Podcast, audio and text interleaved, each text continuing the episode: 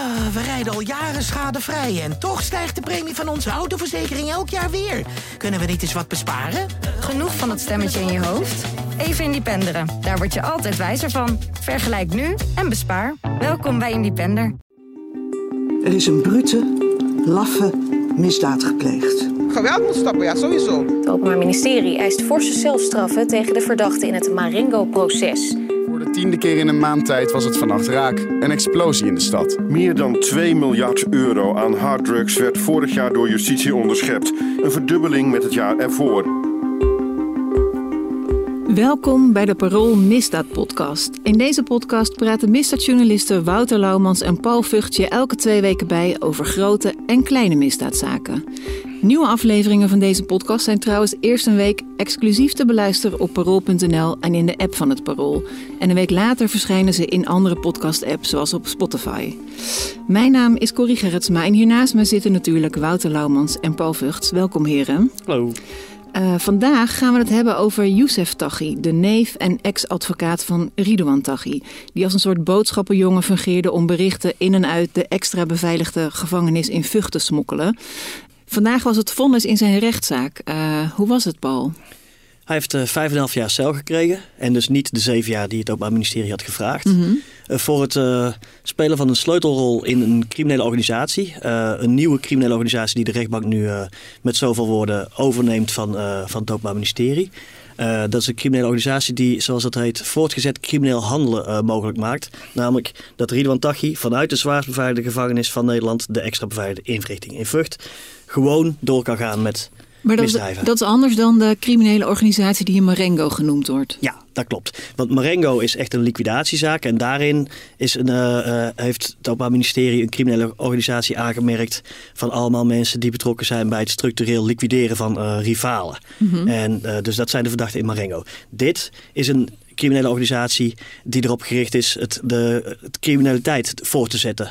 waar de groepering volgens het Openbaar Ministerie al lang mee bezig was. En Ridwan Taghi is gedetineerd geraakt. En mm -hmm. hij heeft nu via de lijn van nevenadvocaat Youssef Taghi de kans gekregen door Youssef Taghi als sleutelspeler om de criminaliteit voor te zetten. Dat is voor het eerst dat de rechtbank dit op die manier uh, aanmerkt. En dat is heel interessant. Want nou ja, dat heeft natuurlijk ook consequenties voor de andere uh, genoemde leden van die uh, criminele organisatie. En die worden met naam genoemd. En wie horen er allemaal bij? Dat zijn volgens de rechtbank Ridwan Taghi en Youssef Taghi. En bovendien twee zonen van uh, Ridwan Taghi. Een neef van uh, Ridwan Taghi, Jawad F. Die zit gedetineerd in Marokko inmiddels. De maffiabaas Raffaele Imperiale en nog enkele onbekende personen. En dat staat nu dus met zoveel woorden in het vonnis. Dat betekent dat er straks, als bijvoorbeeld een van die zonen zal worden uh, gearresteerd... dat er al wel een, uh, iets, een, een begin uh, van een zaak ligt. Want uh, daar, daar kan het Openbaar Ministerie wel mee vooruit. Daar heb ik straks nog vragen over. Maar eerst even naar die vijf en een half jaar. Want de straf was, de eis was zeven jaar, sorry. Um, waarom is het dan lager? Want als je juist onderdeel, maakt, onderdeel uitmaakt van een criminele organisatie... lijkt me juist dat je eerder een zwaardere straf krijgt. Nou ja, goed. Het, kijk, er zijn een heleboel berichten. zouden zijn doorgegeven door... Uh, door Youssef Taghi. En dat is nu dus ook uh, bewezen. Maar de rechtbank acht dat er minder be, uh, berichten bewezen zijn. Dat is een beetje juridisch. Maar de rechtbank zegt van nou, wij kunnen niet van alle berichten die het OM, waarvan het OM zegt. dat heeft hij ook gedaan. Mm -hmm. Kunnen wij aantal bewijzen dat hij dat ook inderdaad gedaan heeft. Dus daarom is de straf het lager. En daarnaast zegt de rechtbank, ja, wij kunnen ook niet.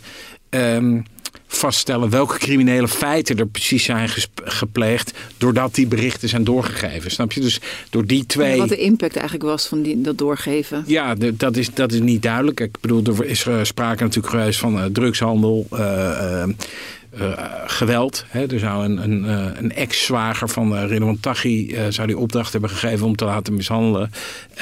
ontsnappingsplannen, nou, witwassen. Maar het, die, dat die berichten er zijn, dat staat vast. Maar wat het effect is geweest van het doorgeven van die berichten, dat staat niet altijd vast. Daar hebben we het hier al een beetje over gehad in een eerdere aflevering. Het is, kijk, het openbaar, de staat heeft heel laat ingegrepen mm -hmm. in die open lijn uh, van Ridwan Taghi vanuit de EBI via Youssef Taghi de Moeten we nog even een kleine tijdlijn schetsen misschien? Um, ja, in uh, maart uh, 2021 is, uh, heeft Youssef Taghi als advocaat toegang gekregen tot uh, de EBI, tot mm-hmm. Ridwan Taghi. Vanaf dan zijn er 98 uh, contactmomenten geweest. Uh, en dat is ruim een half jaar lang. Uh, zes maanden en twee weken is dat, heeft dat uh, geduurd. En in die zes maanden en twee weken zouden dus verschillende plannen zijn doorgesproken en doorgegeven. -hmm. En dat gaat om met zeer veel geweld Tachi bevrijden uit de, de EBI of uit het transport uh, bijvoorbeeld. Uh, plus inderdaad drugshandel, witwassen. Um, en nou ja, dat, dat wordt Youssef Taghi nu zwaar aangerekend. Die lijn is in oktober 2021 doorgeknipt.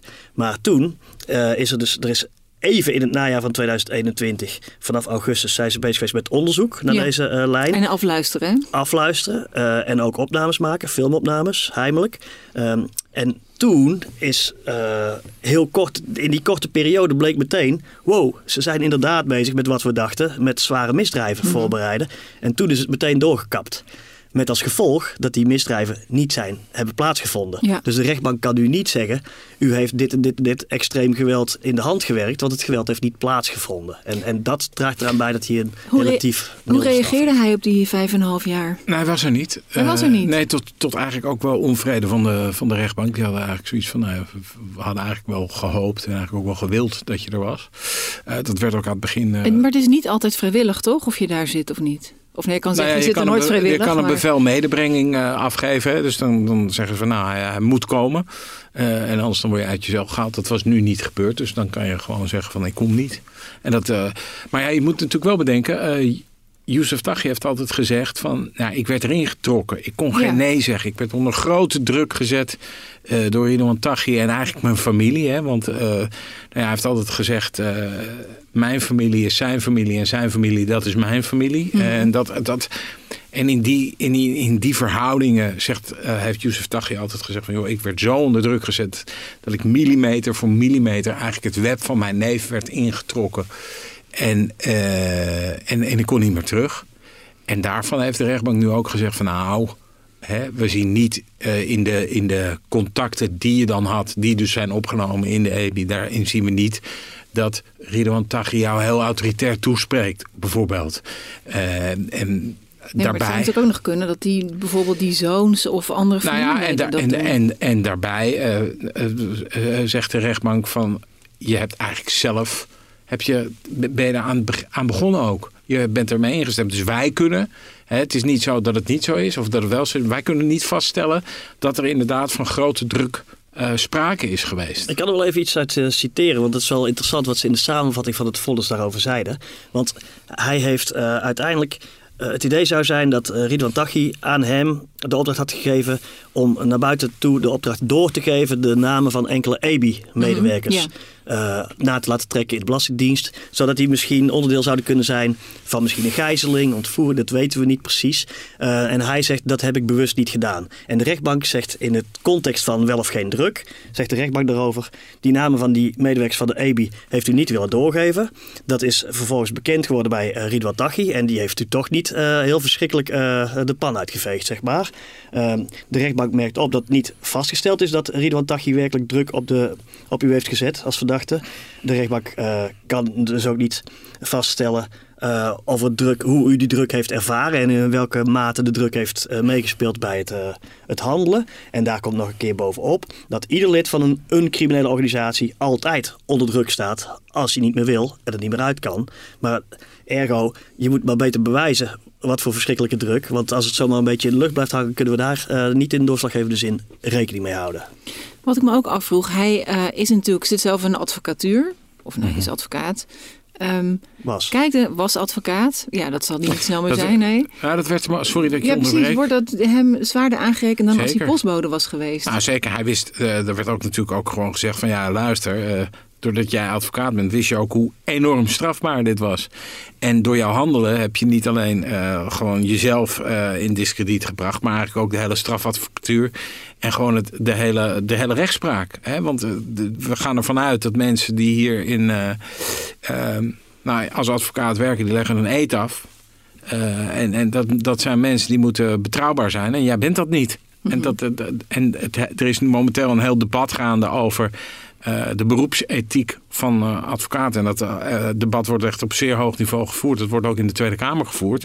Hè, waarbij ze nu zeg maar, er wordt nu gedebatteerd over mag een advocaat wel in zijn eentje nog die EBI in? Hè? Ja, moet, is daar een vier ogen principe ja, moet er, of, een zes ogen principe wel. Weet je wel? En, en dat zijn dus verregaande, ook wel verregaande, dat zijn allemaal verregaande inbreuken op het, het vertrouwelijke contact tussen advocaat en zijn cliënt. En dat is, komt eigenlijk, en dat en benoemde de rechter uh, ook in het vonnis... dat komt eigenlijk allemaal hieruit voort. Dat dat zo'n gigantische maatschappelijke schok teweeg heeft gebracht. Wat, wat Youssef Taghi heeft gedaan. Hij zal niet de eerste advocaat zijn die een keer zijn boekje te buiten gaat? Uh, nee, maar dit is wel zeg maar de zaak waarin het het meest ja, wat, wat, dit is natuurlijk echt ingeslagen als een bom. En mm. wat er natuurlijk altijd, en dat hebben we hier ook wel vaker gezegd, wat er boven de markt natuurlijk altijd hangt, is, nou ja, Youssef Taghi uh, ging ook bij uh, Neef Ridouan uh, op bezoek in de periode voorafgaand aan de moord op Peter R. de Vries. Nou, daar is, wordt met geen, geen, geen woord over gerept in het hele vonnis niet. Maar dat is natuurlijk wel altijd iets waarvan iedereen altijd denkt van, het zou toch, het zou toch niet zo zijn dat die dat die opdracht zo uh, voor die moord op Peter de Vries zo naar buiten is uh, gebracht.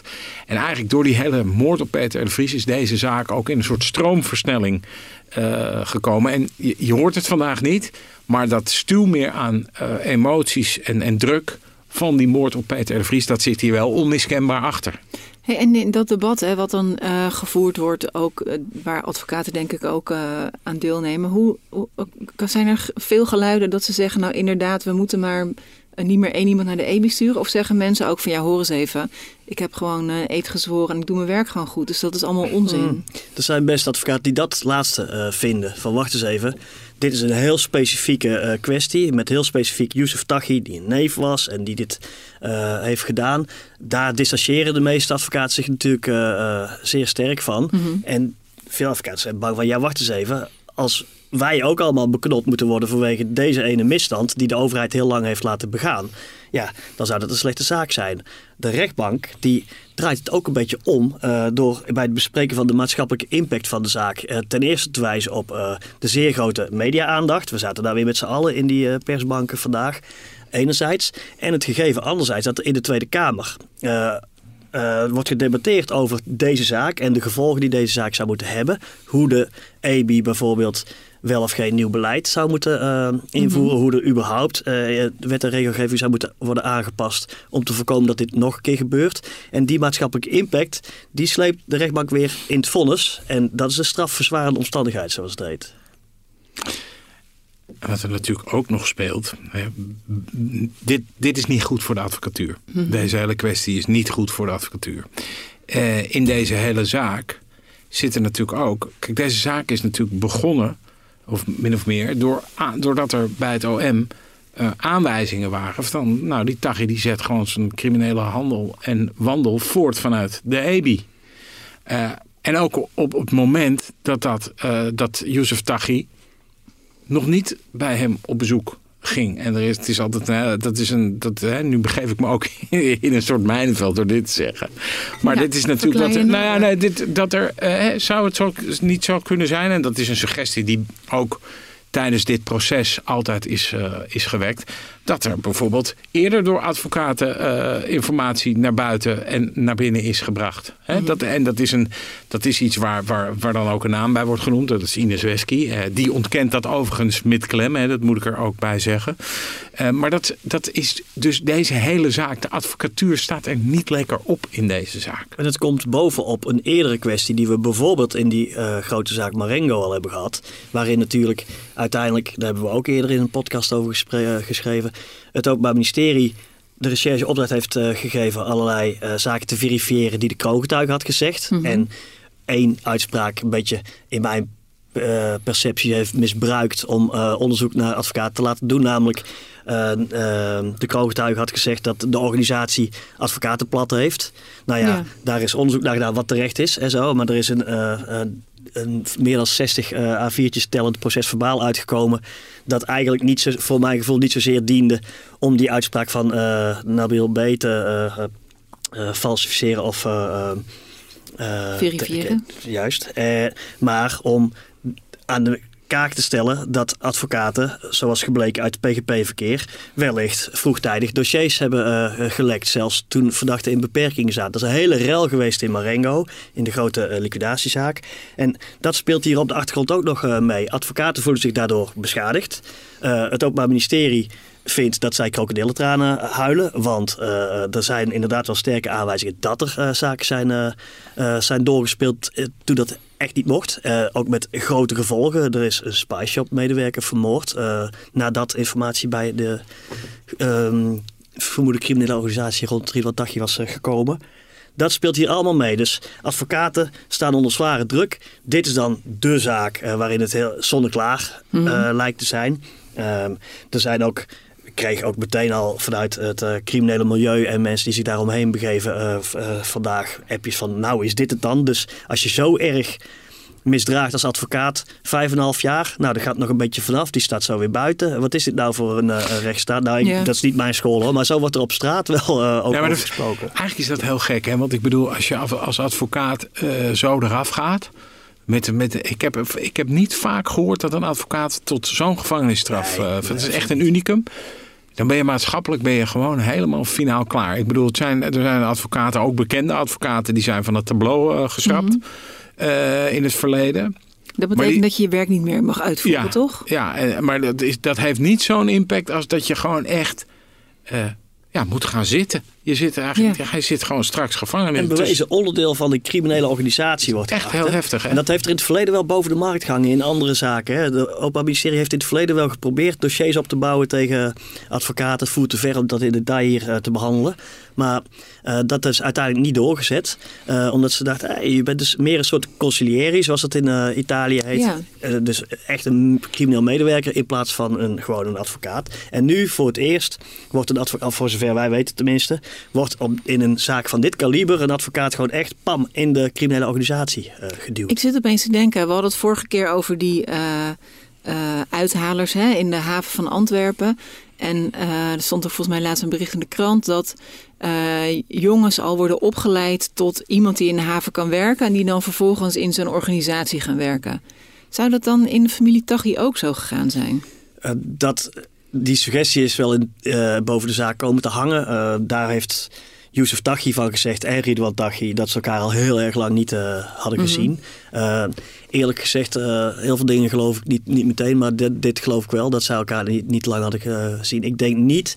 Er is geen aanwijzing gekomen dat, dat hij wel. echt geworven is en opgeleid is om dit uiteindelijk te gaan doen. Ik denk eerder dat het een gelegenheids oplossing vanuit het perspectief ja. van de uh, familie is geweest. Ja, wat natuurlijk gewoon best wel raar is, of wat raar is en tragisch tegelijk, is dat die Youssef Taghi, die had gewoon een, een, bescheiden praktijk in het Utrechtse. En die gaat op een gegeven moment gaat hij uh, in eigenlijk komt in, in de grootste strafzaak van, uh, van deze eeuw eigenlijk terecht. En die raakt helemaal verstrikt en is uh, nu van het bord af.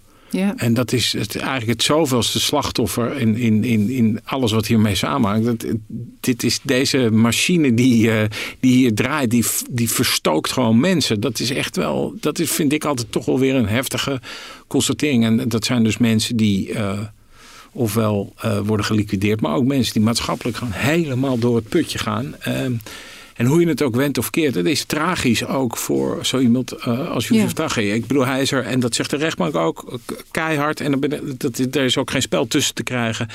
Hij is hier willens en wetens aan begonnen. Maar mijn hemel, weet je, je zou toch denken van, uh, had dat nou niet gedaan? Kijk, ja. dat bevestigt weer wat we hier vaker hebben uh, besproken.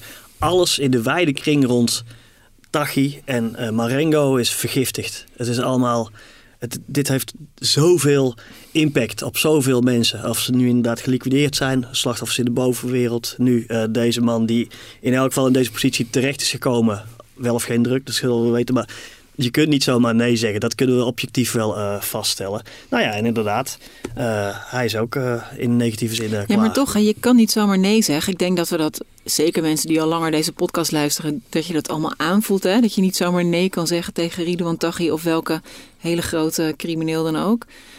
en toch ziet de rechter daar dus helemaal geen eh, Nee, bewijs van. Ik, ik bedoel ook niet alles goed te praten. Integendeel, ik vind dit een heel duidelijk vonnis. En die rechter is heel duidelijk. En die geeft eigenlijk ook een voorzet voor eventueel hoger beroep.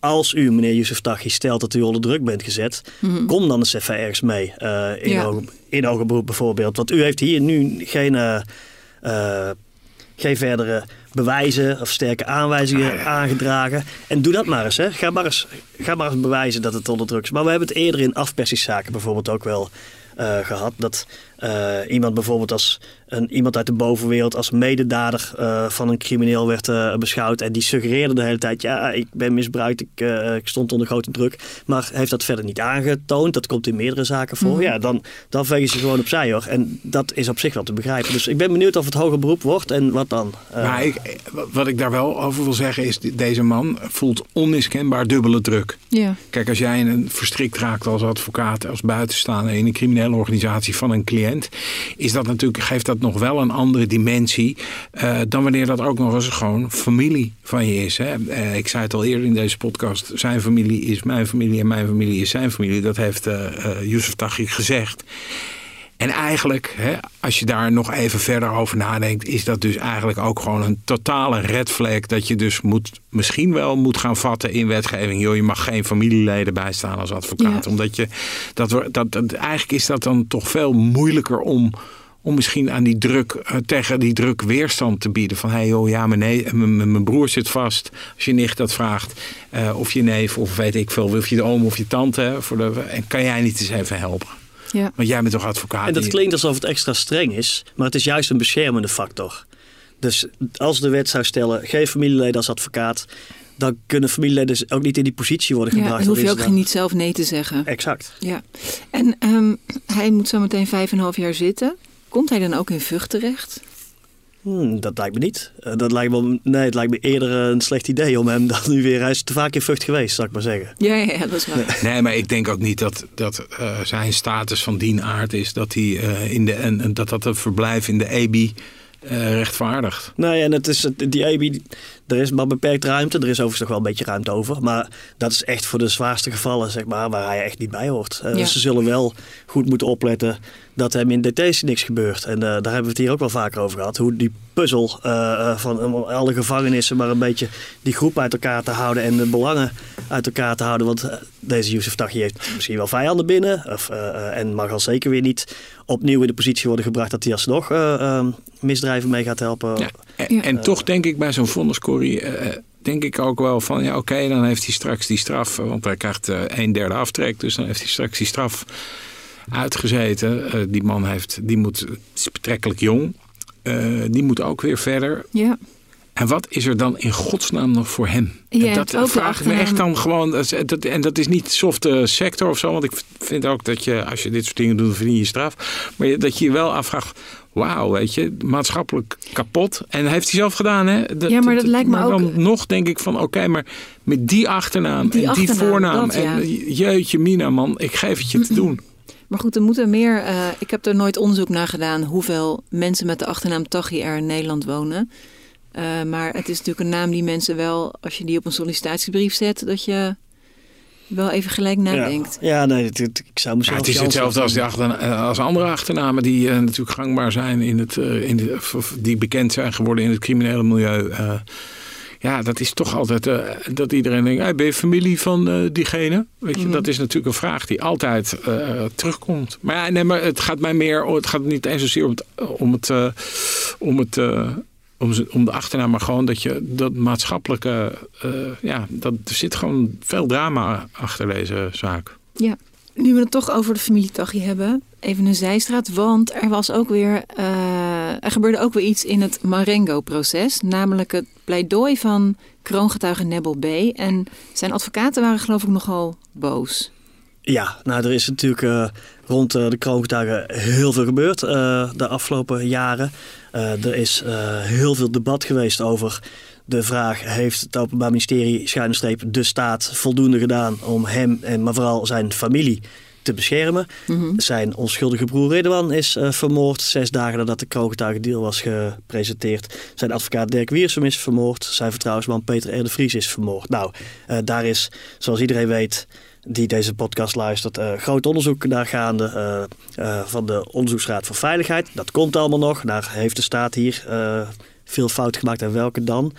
De advocaten namen daar alvast een beetje een voorschot op en hebben in hun pleidooi benadrukt dat wat hem betreft de staat ontluisterend, onrechtvaardig en onmenselijk, ik citeer, mm-hmm. is omgegaan met kroogtuigen Nebel B.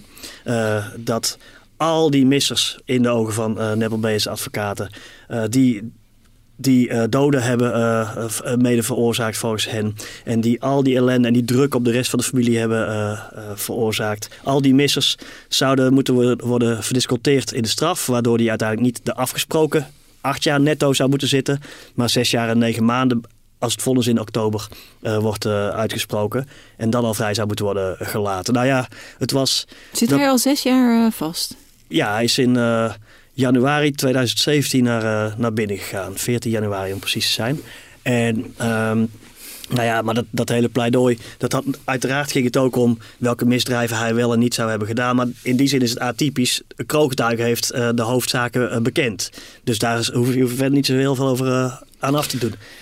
maar ondertussen gaat het de rest, is, was één lange, lange, lange litanie tegen het Openbaar Ministerie, tegen de staat en alles wat. Kijk, die Neville May die zit al jaren alles op te kroppen. En uh, soms gooit je er wat uit in, uh, tijdens de zittingen.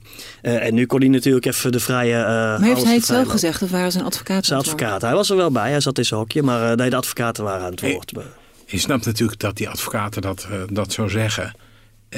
en ook daar hè, ehm, denk ik dat uh, Neville Bay de dag zal vervloeken dat hij besloten heeft om een crimineel leven te gaan leiden. Want als je als hij dat niet had gedaan, mhm. dan was dit natuurlijk ook allemaal niet gebeurd. Zijn hele familie, hè? dat kwam ook uitdrukkelijk aan de orde. Zijn eigen familie, de familie van Peter R. de Vries, de familie van Dirk Wiersen.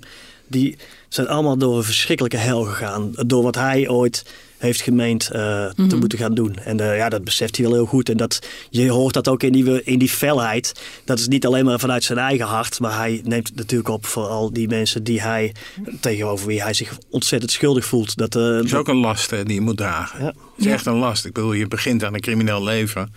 En aan het einde van de, en een aantal jaar verder, of een decennium verder heel je familie in puin, iedereen ondergedoken, doden. Het is, het is een ramp. Ja. Weet je, maar dat heeft wel te maken met de, de stap die gezet is in dat criminele milieu. En daar komt bij vervolgens dat hij zelf, maar ook enkele van zijn naasten, vanaf het begin heel erg hebben gehamerd op de gevaren voor de uh, familie. En die heeft, dat kunnen we objectief vaststellen, uh, de staat aanvankelijk niet serieus genoeg genomen. Mhm. De staat is heel lang gaan blijven denken, ja, misschien krijgen ze steen door de ruit als wraak of zo. Uh, terwijl zij riepen, nee, nee, dit is uh, levensgevaarlijk als die deal vroegtijdig bekend wordt gemaakt. Namelijk als Ridwan Taghi en zijn ja. rechterhand, vermoede rechterhand Said Razouki nog niet zijn gearresteerd. Dan gaan er doden vallen. er zijn natuurlijk ook, er is een eerder in deze podcast besproken berichtje opgedoken van Taghi voor de deal werd gepresenteerd al van iedereen, van ik ga iedereen rond hem laten slapen als hij mijn naam heeft genoemd. Nou ja, uiteindelijk... Met de kennis van nu zouden ze het natuurlijk heel anders aangepakt hebben. Ja, maar met de kennis van nu zouden, je, er zouden heel veel mensen natuurlijk geen minuut erover na hebben hoeven denken van ga ik die criminele wereld in of niet. Ja. Dat is toch, ik bedoel, dit nee, leven... ook gelijk. Ik Alleen die haat, van... je, je voelt de haat jegens de staat, snap je? Terwijl ondertussen weet hij natuurlijk, die Nebel B weet heel goed, dat het dan begonnen is met zijn eigen stap, het, uh, het milieu in. Alleen onderweg is het zo. En kijk, daar zijn uiteindelijk die broer is vermoord en zo. En als nu de staat vrij snel daarna had gezegd: familie, laten we om de tafel zitten. We vinden het verschrikkelijk. Achteraf gezien hebben we het niet juist ingeschat. Dat kunnen we objectief nu vaststellen. Mhm. Sorry, sorry. Laten we kijken hoe we verder kunnen. Zo is het niet gaan. Het is een enorm gevecht geworden achter de schermen, een beetje voor de schermen. Uh, ja, en dat zat helemaal verweven in dat pleidooi. Gewoon, gewoon een en al haat op de staat, uh, wat uh, tot in de avond duurde. Ja, dat, en dat komt, dat komt natuurlijk in dat rapport hè, van, uh, over het stelsel bewaken, beveiligen. Om dit jaar natuurlijk een, een, rapport met aanbevelingen uit. Nou, dat is natuurlijk, daar, daar werd natuurlijk ook al voorgesorteerd in dit, uh, in dit pleidooi. Ja, en er werd een paar keer gezegd dat het uitdrukkelijk niet zo was, zeg maar. Dat we nog niet... Waardoor je eigenlijk weet dat het wel zo juist, is. Juist, wat sommige dingen van de Wacht, strekking... Ik weet even niet, wat was niet wel zo? Hoe, Ja, dat rapport? Of dat hoe rapport, dus de, de Onderzoeksraad voor Veiligheid onderzoekt nu wat er allemaal mis is gegaan Ja. in de beveiliging en het gebrek aan beveiliging. Van die broer, van Dirk uh, Wiersum, de advocaat, en van de vertrouwensman Ja. eh, Peter R. de Vries. Dat rapport komt eraan, dat duurt allemaal even. Er zit enorme druk, want al, binnen de staat zijn er allerlei mensen die daar met argusogen naar kijken. En eh, de kant rond eh Nebel B kijkt er ook natuurlijk heel erg eh, naar uit van hoe fel wordt dat. Er zijn al conceptversies in, eh, in omloop. Eh, er zijn nu al mensen binnen de staat heel erg kwaad over wat er waarschijnlijk aan kritiek eh, in zal eh, staan. Ja, en dat zat hier al een beetje in, eh, in verweven. Dus dat was dat- echt wel een voorschotje. Maar dat rapport dat sorteert natuurlijk gewoon totaal voor op een schadevergoeding voor die familie. Ja. Uh, als, als, als de overheid daar echt uh, aantoonbaar steken heeft laten vallen in, in de zorgplicht. Ja, dan is er gewoon een schadevergoeding eigenlijk de volgende stap. We gaan het allemaal weer horen, denk ik. Zeker. Ehm, Wouter, jij tipte mij net nog ergens. Ik kan uh, op mezelf stemmen, geloof ik, hè? Als Leuk, ik hè? fan ben van deze podcast. Zeker. Vertel. Nou, ik heb ook al op, de, op deze podcast gestemd. En waar kan dat? Wat uh, kunnen we winnen? Uh, eeuwige roem, volgens mij. Nou, dat, dat sowieso. Elke um, luisteraar zijn we blij mee. Ja, het is de Gouden Radio Ring.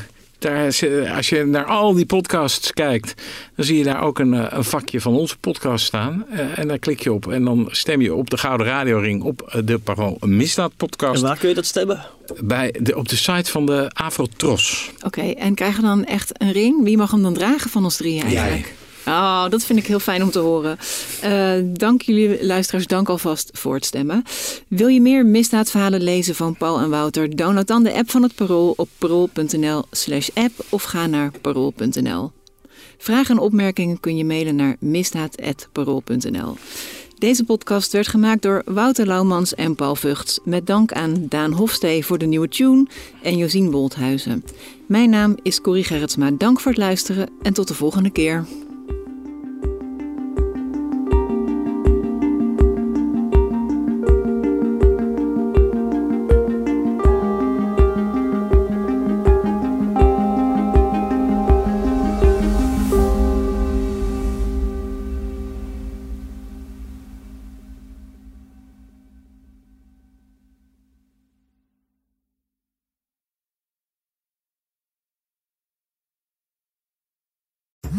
Worden dagelijks overladen met overbodige informatie. En het is moeilijk de zin van de onzin te scheiden. Daarom vertrouw ik op echte journalisten in plaats van meningen.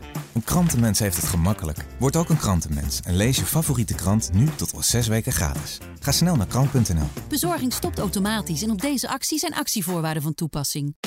Um, past onze autoverzekering straks nog wel bij de nieuwe auto die we gaan kopen? Of kunnen we met overstappen flink besparen? Genoeg van het stemmetje in je hoofd? Even Independeren. Daar word je altijd wijzer van. Vergelijk nu en bespaar. Welkom bij Independer.